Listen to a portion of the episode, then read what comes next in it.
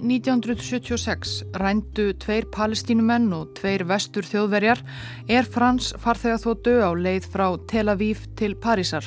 Vélinni með 260 mannsum borð var beint til lendingar í Entebbe í Úganda þar sem einræðisherran allræmdi Íti Amin hafi lofað gíslatökumönnunum skjóli.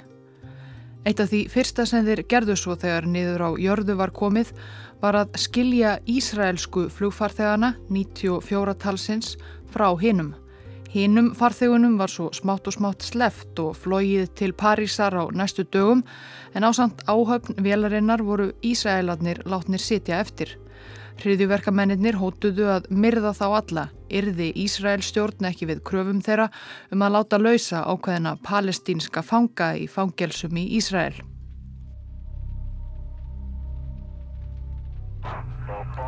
En Ísrael ætlaði sér ekki að semja við hriðiverkamenn.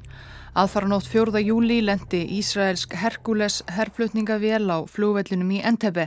Um borð voru hundrað liðsmenn sérsveitar Ísraelska hersins og þeim tókst á aðeins 9-10 mínútum að fella alla fjóra gíslatökumennina og frelsa landa sína.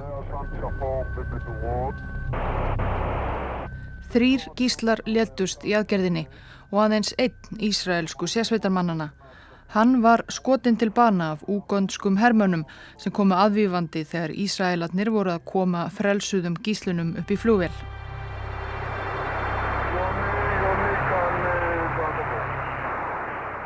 Sá sem fjall var einmitt einn af leðtógum sérsveitarinnar og maður sem hafði átt stóran þátti í að skipulegja þessa djörfu og erfiðu aðgerð, ungur og efnilegur herfóringi, nýjórðin þrítúr. This is a broadcasting from Jerusalem. All the hostages in Uganda have been rescued by Israeli forces. A daring raid for freedom. One of the most remarkable rescue missions in history. Þegar fregnir bárust af aðgerðinni varð hinn fallni fóringi umsvefalaust þjóðþetja í Ísrael. Hann var sæmdur aðstu orðum Ísraels hers fyrir hugrekki og aðgerðin öll síðan kent við hann. Ekki Entebbe aðgerðin, heldur Jónatan aðgerðin. En í dag rómuð sem eitt ótrúlegasta afreg Ísraelska hersins. Öll helstu fyrirmenni mættu í heiðursjarðafur hetjunar, ráðherrar heldu ræður, en meðal sirgendana var líka ungur maður sem dauði Jónatans hafi kannski hvað mest áhrif á. Það var bróðir hetjunar, þremur árum yngri. Hann sirði bróður sinn ákaft, en hinga til hafði hann verið í skugga hans. Líf hans tók nú nýja stefnu. Sú stefna átti eftir að færa hann til aðstu metorða. Littli bróðir hétt Benjamin Netanyahu og átti eftir að verða einn farsælasti en sömuleiðis umdeildasti stjórnmálamaður sem Ísrael hefur alið. Og hvort þeim maður telur hann stjórn skörung eða spillingar pjesa er hann maður sem hefur sett svo mark sitt á land sitt á síðustu áratugum að hann er stundum kallaður konungur Ísraels.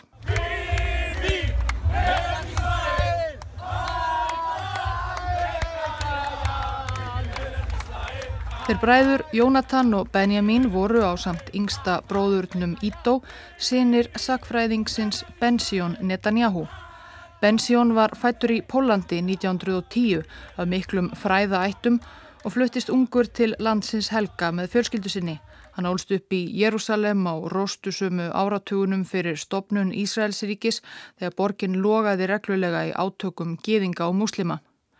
Bensjón var ekki trúaður en hann var gallharður þjóðerni sinni og fylgismadur harðurlínu síonistans C.F. Jabotinski sem vildi hveða harðarað orði en flestir aðrir leðtógar síonista á þessum tíma menn eins og David Ben Gurion og Chaim Weizmann.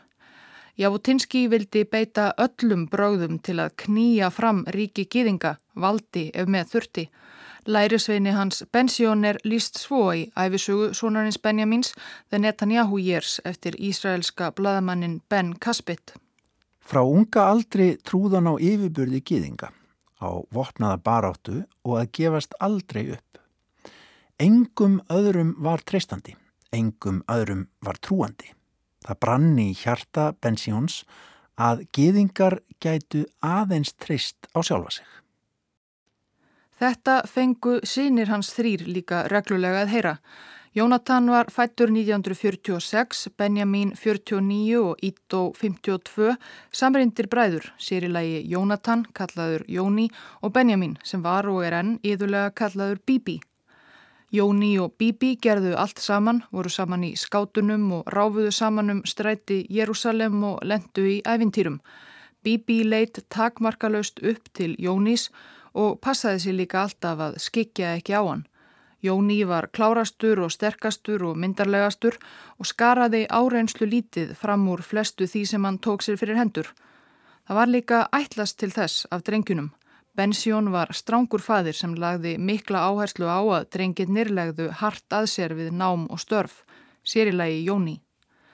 Bensjón var virtur fræðimaður, sérfræðingur í sögu spænskra gýðinga á árum rannsóknaréttarins en vegna hægri sinnaðra skoðana sinna í þjóðmálum átti hann ekki alltaf samleið með Ísraelsku fræðasamfélagi, vildi hann sjálfur meina allavega. Ísraelsku þjóðfélagi var á þessum tíma stjórnað af verkalýðsrefingar og vinstrimönnum sem Bensjón lendi oft í deilum við. Netanyahu fjölskyldan dvaldi þess vegna mikið í bandaríkunum meðan Bensjón var við kennslu og rannsóknir í bandarískum háskólum. Miðsónurinn Benjamin eða Bibi ólst upp að miklu leiti í bandaríkunum í útkverfi Fíladelfíu þar sem fjölskyldan bjó 1956 til 58 og svo aftur 1963 til 67. Þar læriði Bibi að tala reybrennandi ensku með fíladelfískum hreim sem á greina á máli hans enn í dag. Hann gekk í bandarískan high school þar sem hann lagði hartað sér við námið og skaraði fram úr eins og svonum Bensjón Netanyahu var upplagt að gera. Hann var alvörugefinn og ekkert mjög félagslindur, hirti til að mynda lítið um það að fjölmarkar skólasistur hans hrifust af honum. Hann var ekki bara afburða nefandi heldur myndarlegur eins og eldri bróður hans og íþróttamannslega vaksinn. Þó Bibi hafi á þessum tíma komið flestum fyrir sjónir sem bandarískur í húð og hár var hann líka þjakaður af heimþrá. Í mentaskóla eitti hann öllum peningum sínum hvert sumar til að fljúa heim til Ísraels og gista hjá ættingum, vinna og tala hebresku. Heima átti hann einhverja gamla vini en jafnvel í fríinu var hann alvarlegur eins og segir í áðurnemndri æfisögu Ben Kaspit. Bibi hafði ekkert skopskinn og grínaðist aldrei og dansaði heldur ekki eða söng ofinberlega. Hans sérsvið var að sigra. Meirað segja, þegar vinnir hans fóru í sund, bjó Bibi til keppni úr því. Hver gatt synd hraðast, hver gatt verið lengst í kafi. Í öllu, hvort sem það var sund, ná með að vinna, var hann alltaf að keppa. Alveg húmóslaus. Það var ekkert val, segja vinnir hans, hann varð að vinna.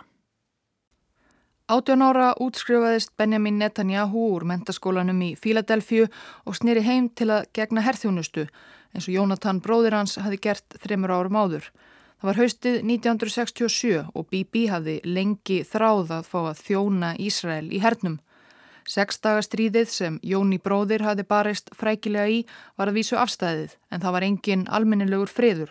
Ísraels herr lendi enn ítrekkað saman við óvinni frá Egiptalandi, Jórdaníu og Sýrlandi. Bibi lagði líka hartað sér og skaraði líka fram úr sem hermaður. Hann varðað sigra. Hann náði meira að segja í fyrsta sinn að skáka eldri bróður aðeins. Hann varð fyrri til að komast í hérna eftirsóttu sérsveit Særet Makal Eldri bróður hans var þá bara fallífa hermaður. Særet Matkal sá um erfið verkefni eins og njóstna leiðangræn á óvinna landsvæði, deild sem var svo leinileg að liðsmenn sögðu nafn hennar aldrei uppátt. Bara þeir fremstu komust í Særet Matkal. Bibi, 18 ára, var þar á meðal og varð meira að segja á endanum liðsfóringi. Það var þó alltaf Jóni sem var aðal. Ferill hans í fallífa herdeldinni var ekki síður glæstur og Jóni var áfram sterkari og klárari og myndarlegri sífælt í sviðsljósinu. Bensjón gamli gerði miklar kröfur til allra svona sinna en hann gerði mestar kröfur til og batt mestar vonir við Jóni. Það var Jóni sem var leðtói efnið, það var hann sem átti að rýsa til metorða í hernum, svo jafnvel stjórnkerfinu, endurheimta heiður fjölskyldunar og hefja Netanyahu nafnið til þeirrar virðingar sem það átti að njóta og tryggja framtíð Ísraelsríkis og geðingana. Síðla árs 1972 laug Bibi 23 herþjónustu með glans og fluttist afturu til bandaríkjana. Hann hóf námi í arkitektúr við tækniháskólan MIT í Massachusetts og fekk sérstakka undan þá til að taka á sig tvöfalt magna af áfengum til að geta lokið námi á tveimur árum í stað fjórum.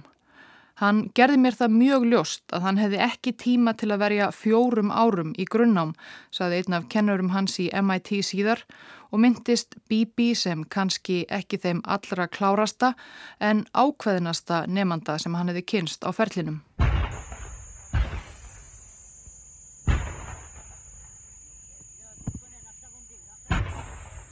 Rúmu ári síðar í oktober byrjun 1973 reðust herir Egiptalands og Sýrlands á Ísrael á helgideginum Jóm Kippur.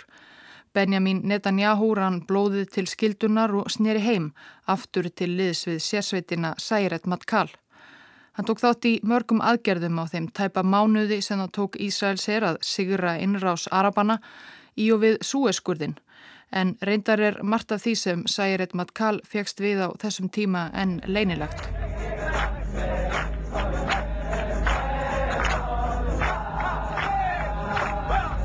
Rátt fyrir tveggja mánada námslið til að verja heimaland sitt tókst Bibi þegar hann snýri aftur í háskólan að ljúka arkitektúrgráðu á tveimur árum eins og tilstóð vorið 1975 og um næsta vetur laukan í ofanálaga á álíka ofur hraða meistaragráðu í stjórnun við viðskiptafræði deilt MIT.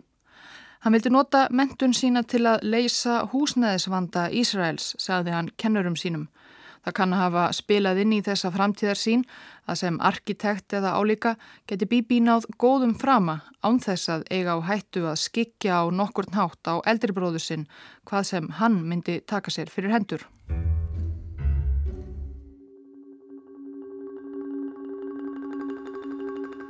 Ný útskrifaður með háa engun úr viðskiptafræði deilt MIT var Benjamin Netanyahu bóðið starf efnahagsraðgjafa hjá stóru og rómuðu ráðgjafafyrirtæki Boston Consulting Group. Einn af kollegum hans þar varð náinn vinnur, þrátt fyrir að þeir væri úr hansi ólíku umhverfi, bíbi ísraelskur geðingur, vinnurinn forríkur bandarískur mormóni en í krefjandi vinnuumhverfi ráðgjafafyrirtækisins, sögðu þeir báðir síðar, voru þeir fljóttir að kynnast vel. Vináttan átti líka eftir að endast í ára tögi. Báðir fóru enda út í sama bransan, politík. Vinur Bíbís hjá Boston Consulting Group er bandaríski republikanin Mitt Romney, fyrirverandi ríkistjóri Massachusetts og fórsetafrembjöðandi 2012. Það fer alltaf vel á með þeim Mitt og Bíbí þegar þeir hittast núna. Governor Romney, Mitt, it's a pleasure to welcome you in uh, Jerusalem. We've known each other for many decades. God, we were so young then. And for some reason you still look, yeah. look young. I don't know how you do it. Mitt reyndir reyndar að nýta sér tengsl sín við Netanyahu í kostningabarátunni 2012 sagði í kappræðum frambjóðanda að þegar kæmið að málefnum Ísraels myndi hann sem fórseti bara bjalla í vinsinn Bibi og spyrja hann hvað væri best að gera. I get on the phone to my friend Bibi Netanyahu and say, would it help if I said this? What would you like me to do? Let's work together because we're partners.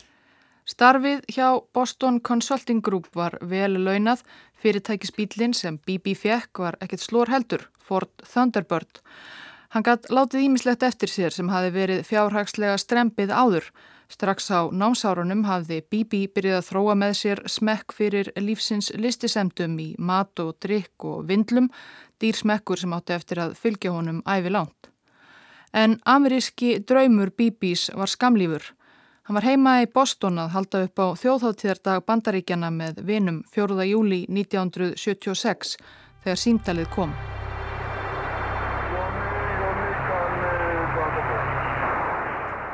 Jóni bróðir var dáin, þjóðhetjan og leðtóefnið, ástker bróðir hans og besti vinnur. Það var auðvitað hræðilegt áfall og allt í einu var það Bibi sem var elsti sonurinn og allar væntingar fjölskyldunar kvildu á honum eins og æfisögurítarin Ben Caspit orðar það. Frá því að hafa verið stúdent sem let sig dreyma um ljúvalífið í Ameríku var Bibi að manni á hvers herðum kvildi gerföll saga gýðingana eins og fjölskylda hans skildana. Nú var þetta allt hans verkefni. Hann var sá sem að átti að bæta upp fyrir mísrétti fortíðarinnar. Nú var það honum sem var stemt á hæsta tindin. Þetta voru örlugans og hann ætlaði sér ekki að malda í móin. Mr. Benjamin Natai.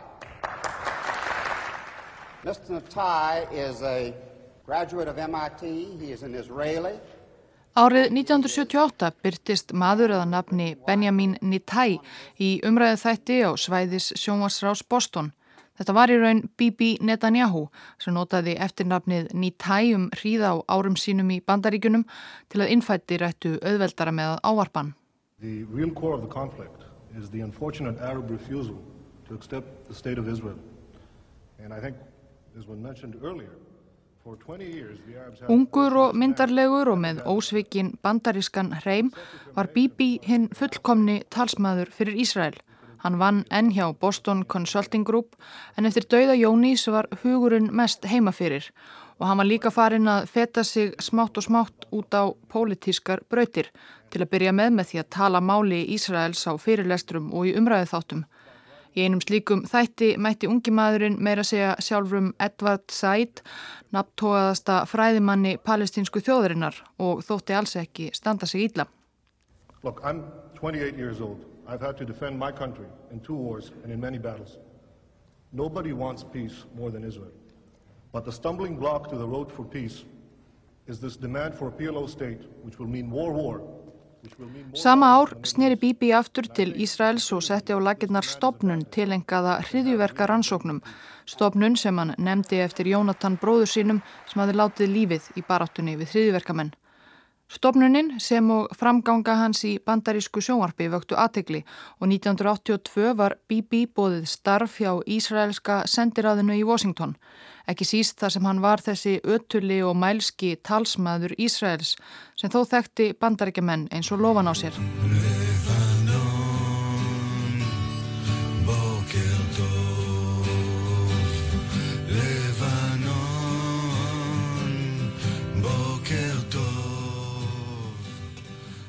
Bibi fekk eldskýrn í starfi.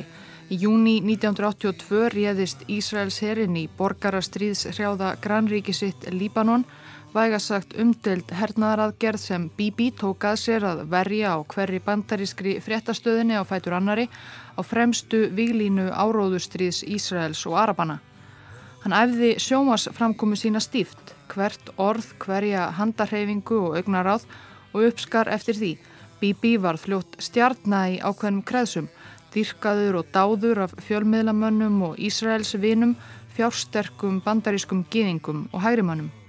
Hann fór að eignast áhrifamikla vini og mynda tengsl og að sögn vina hans var það um þetta leiti sem hann fór að hugsa það í alvöru í fyrsta sinn að mögulega geti hann eitt daginn jáfnvel orðið fórsættisráð þeirra Ísraels.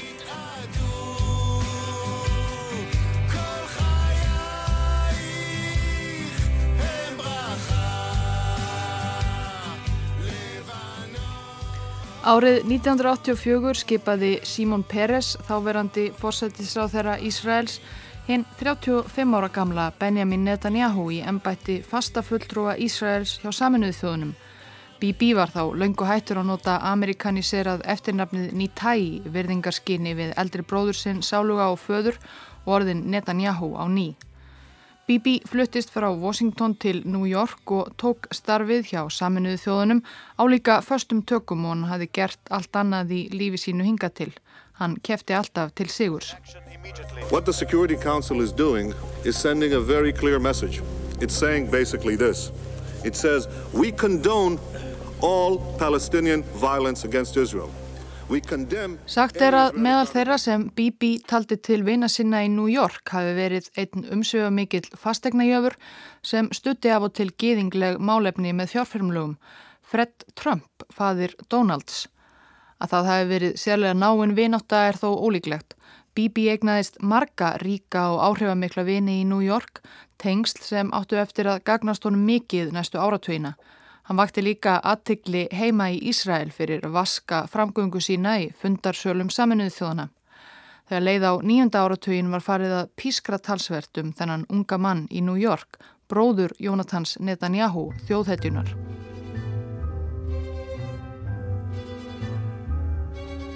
Svo að árið 1988 tók Bibi áhættu.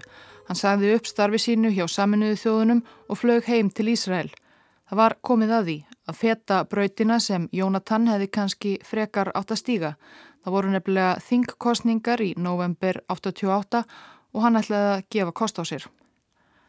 Bibi kom heim frá bandaríkunum ekki aðeins með þína þjóðernissinniðu Ísraelsku hægri stefnu sem fadir hans hafði innrætt honum frá unga aldri heldur einnig hægri politík af bandarískri sort. Hann var hrifin af hinnum frjálsa markaði og republikunum, dáði stað og reyndi að líkjast Ronald Reagan nokkuð óveinulegt á þessum tíma í Ísrael, ríki sem var að stórum hluta byggt upp af og í anda verkaliðsrefingarinnar.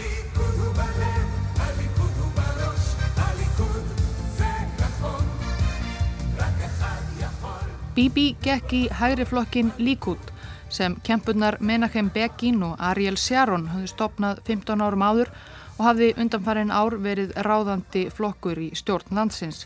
Í líkút voru fyrir margir kuningjar og skoðanabræður föður hans og öðrum hafði hann sjálfur kynst í gegnum störf sín í bandaríkunum. En meira segja í þeim félagskap þótti Bibi framandi skefna. Hann var stjórnmálamadur af ameríska skólanum, hreitn og strókin, alltaf óaðfinnanlega til fara í dýrum jakkafötum, innan um gömul þingbríni sem höfðu aldrei hirtum slík fáfengileg smáatriði og gengu helst í stuttermaskirtum og sandulum og eftir öll viðtölinn í bandaríkunum var hann komin með svo slípaða sjónvarsframkomu að annað eins hafi varla sérst í Ísraelskri sögu. Mörgum virtist hann í raun varla Ísraelskur á nokkurinn hátt nema hvað hann talaði hebræsku og hafði vissulega unnið og barist fyrir Ísrael árum saman. Eldri kynnslóð líkutmanna tók Bibi því nokkuð fálega fyrst en almennir kjósendur flyktust um hann Hann kunni líka að heia nútímalega ameríska kostningabaróttu með hjálp ráðgjafa og tölfræði og hann átti fjársterka vini í Vestanhaf sem styrtu hann ríflega. Hann komst enda ofarlega á lista hjá líkúti í prófkjöri flokksins og í þingkostningunum 88 komst hann svo allaleið á þing 39 ára gammal.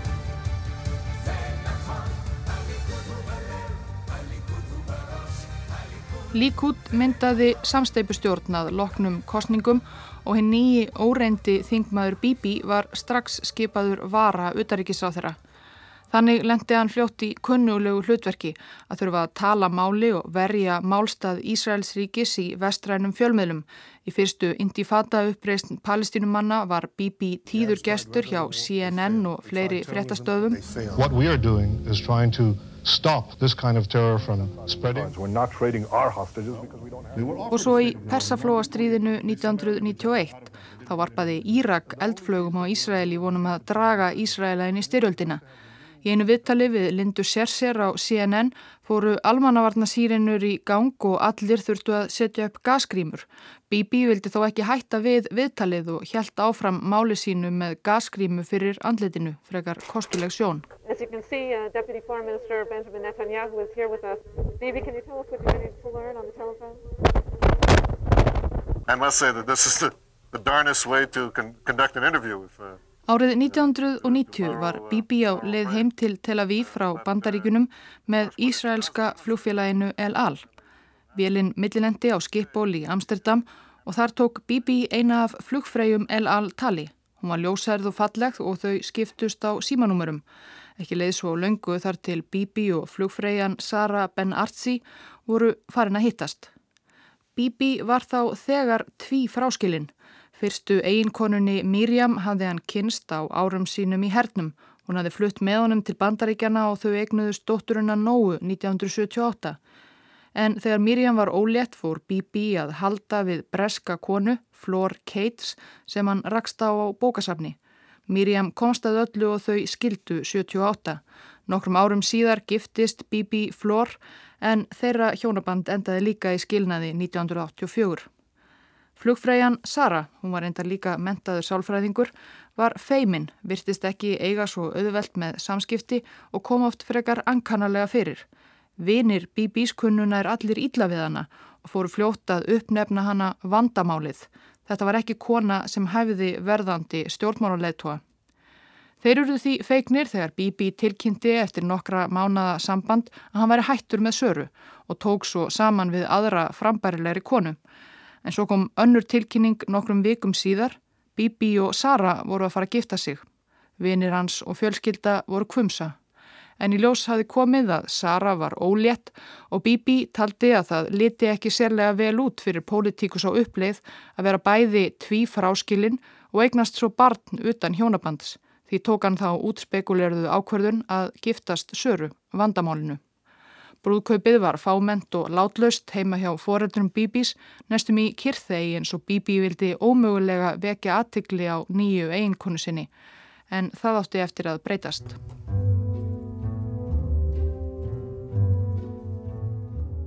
Í þingosningum 92 beði líkút ósegur og samsteipustjórn til vinstri komst til valda. Þetta var vandraðalegt fyrir líkút og þáverandi formaður Yitzhak Shamir sagði af sér.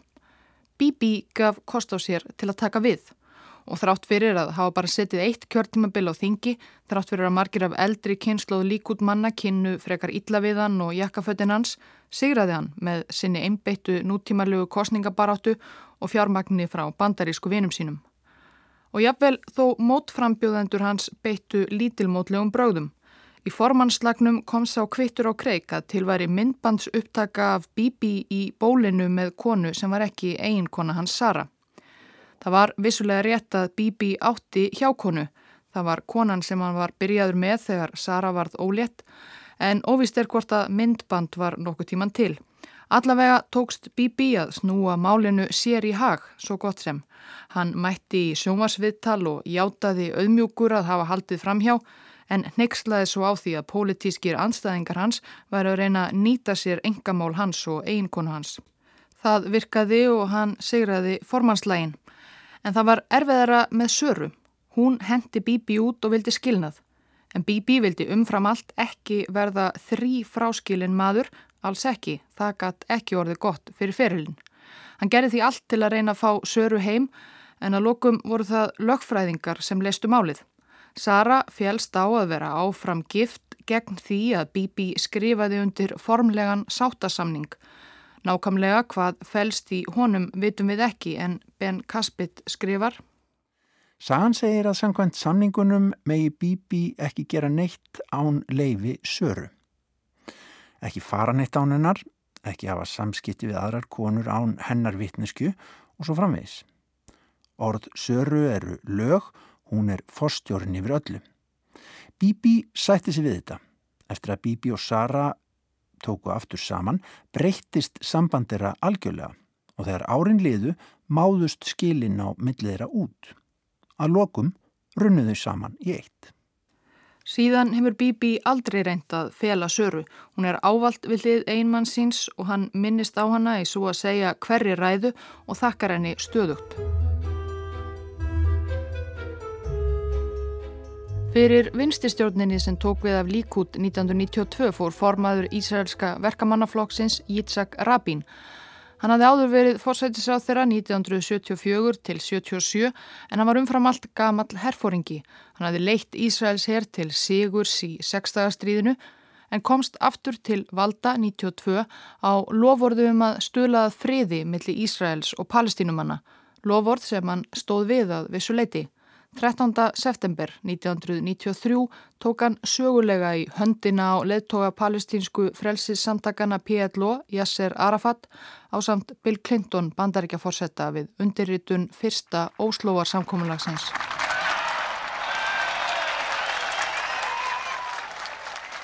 Rabin var meinýtla við að þurfa að taka í höndina á Arafat sem hann áleitt vera hriðiverkamann en hann let sig hafa það.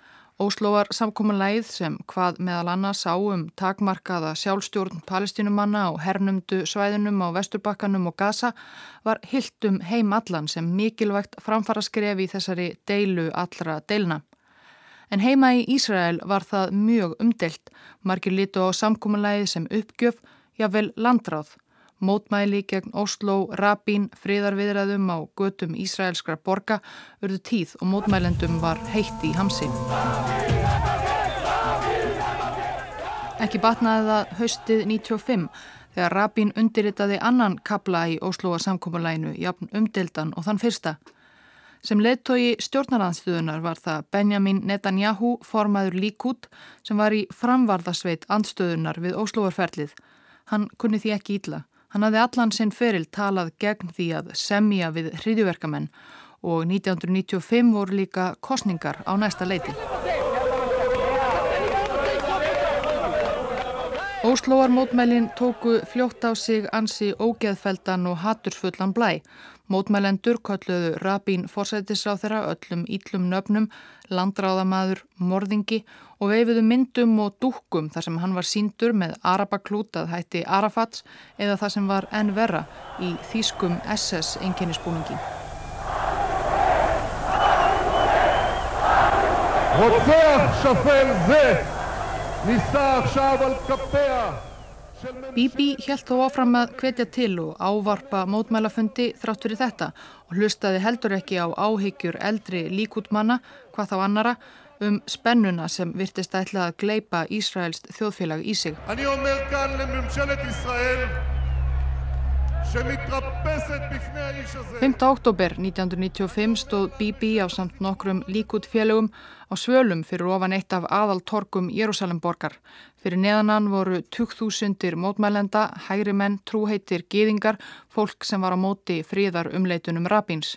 Það var hiti í mannskapnum. Netanyahu þrumaði að Yitzhak Rabin forsættisað þeirra væri að eftirláta Ísraelst landsvæði hriðuverkamönnum. Rabín landráðamaður, Rabín morðingi kyrjaði mannfjöldin fyrir neðan og eftir að fundinum lauk létt mannfjöldin sér ekki segjast heldur gengu einhverjir bersesgang um borgina, kveiktu í bílum og reyndu að ráðast inn í Ísraelska þinghúsið.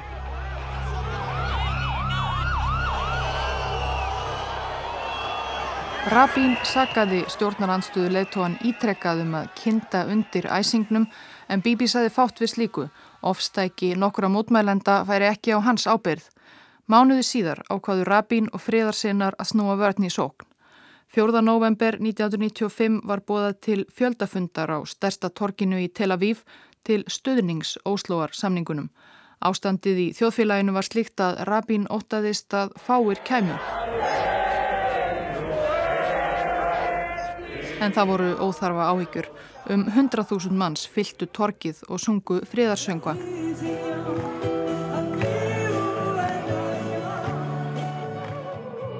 Í ræðu sagði Rabín að hann með sína miklu stríðsreynslu eigði nú loksins möguleika á friði og það yrði að nýta þetta tækifæri.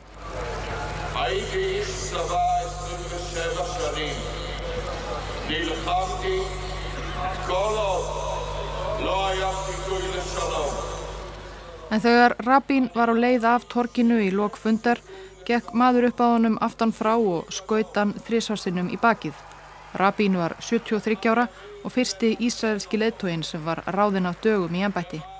Morðingin var 25 ára ísraelskur hægri öfgamaður, Jíkal Amír, sem var síðar dæmdur í lífstíðarfangelsi fyrir morðið. Fyrir utan sjúkrahúsið þar sem Rabin dró andan í síðasta sinn sapnaðist stuðningsfólk hans saman og rópaði meðal annars Bibi er morðingi, Bibi er morðingi.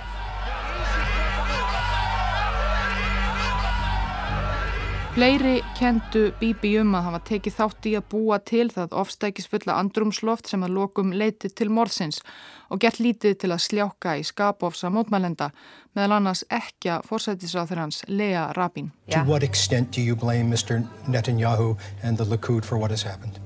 I do, I do Netanyahu sjálfur hefur alltaf neitað allri ábyrð og því að hafa með nokkru móti kynnt undir hatri. Hann hafi ekki séð dúkkurnar af Rabin í SS-búningi og ekki heyrt þegar mótmælendur kyrjuðu drepum Rabin. So Mr. Bibi Netanyahu now we can say from here to eternity that he didn't support it and didn't agree with it but he was there. Ef Rabin hefði ekki verið myrtur hefði hann mætt Benjamin Netanyahu í fyrstu þingkostningum hans sem formaður líkút hálfu ári síðar í mæ 1996. En í stað þess var það önnur gömul kempa sem nú tókuði stjórn verkamannaflokksins, Simon Peres. Peres var einn af þekktustu stjórnmálamönnum Ísraels, lærlingur Ben Gurions, hafði áður verið fórsættisráð þeirra 84 til 86 og hafði sem utaríkisráð þeirra tekið virkan þátti í óslóar viðræðunum og hlotið fyrir fríðarverlun Nobels með þeim Rabin og Arafat. 1996 átti líka í fyrsta sinn í sögu Ísraels að kjósa forsættisráþrann beitni kostningu meðfram hefbundnum þingkostningum. Í frambóði voru tveir, þeir Peres og Netanyahu. Bibi mætti með sína vel smurðu kostningabaráttu og fjáröflunarvél en Peres barst líka öflugur liðsöki. Morðið á Rabin fekk mjög á Bill Clinton bandaríkaforsetta. Your prime minister was a martyr for peace but he was a victim of hate. Og hann hafði áhyggjur af því að Netanyahu hegðist gera vinnu þeirra Rabins að engu kemist hann til valda. Clinton laði því sitt af mörgum í kostningabaráttunni. Bandarist fjeflætti til Ísraels. Clinton var í stöðu sambandi við Peres og ráðgjafa hans og fór sjálfur til Ísrael til að berjast í þáu Peresar. Svo bein afskipti bandaríkjaforsetta af kostningum í Erlendur ríki höfðu sjaldan sérst áður. En það hafði sitt að segja. Clinton var feiki vinsætli í Ísrael. Það var allt útlitt fyrir það að Peres myndi sigra öruglega. Fyrstu mánuði ársins 1996, kostningarnar voru í mæ, mæltist verkamannaflokkurinn yðurlega með um 20-30% forskot á líkút í fylgi. Bibi fór að efast um að honum myndi takast að sigra þennan slag. Stjórnmálaferli hans væri lokið áður en hann næði almennilega að hefjast. En það voru ekki bara Ísraelskir hægrimenn sem voru á móti Óslóvarsamningnum.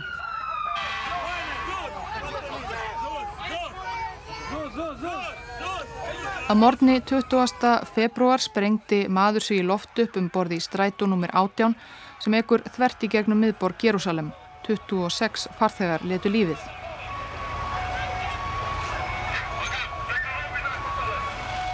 Palestínsku vígasamtökin Hamas lístu yfir ábyrð. Markmiðið var ekki síst að spilla fyrir fríðarumleitunum Yassers Arafat og palestínsku frelsisamtaka hans, óvinna Hamas. Og þetta var bara byrjunin. Varla viku síðar sprengti annar Hamas liði sig í loft upp um borði sama strætónumir 18, 19 farþegar letu lífið. Næstu daga fylgdu tvær sprengju ára sér til viðbótar, eini í Askelon, önnur í Tel Aviv, 59 Ísraelar fjallu í hriðjuverka árásum Hamas á nýju dögum.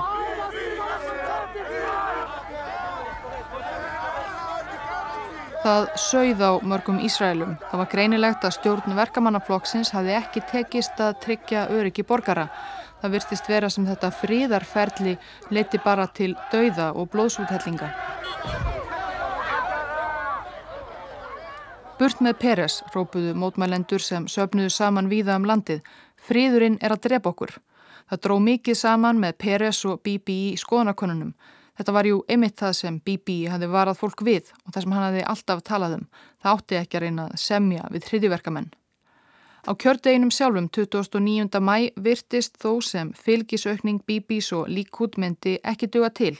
Peres og fríðarsinnar myndu samt sigra en þegar talið var upp úr síðustu kjörkosunum um nóttina kom annaði ljós. Verkamannaflokkurinn hafði hlotið örlítið fleiri atkvæði en líkút 34 þingsæti og líkút 32 en í beinu fósætisráþara kostningunum hafði Bibi vissulega sigrað eins og hann gerði alltaf. Hann hafði 1% fórskot á Peres, 50,5% atkvæða á móti 49,5%.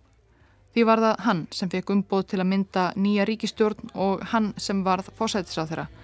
Næstu áratu ekki eftir að verða auðveld en Bibi var orðin konungur Ísraels.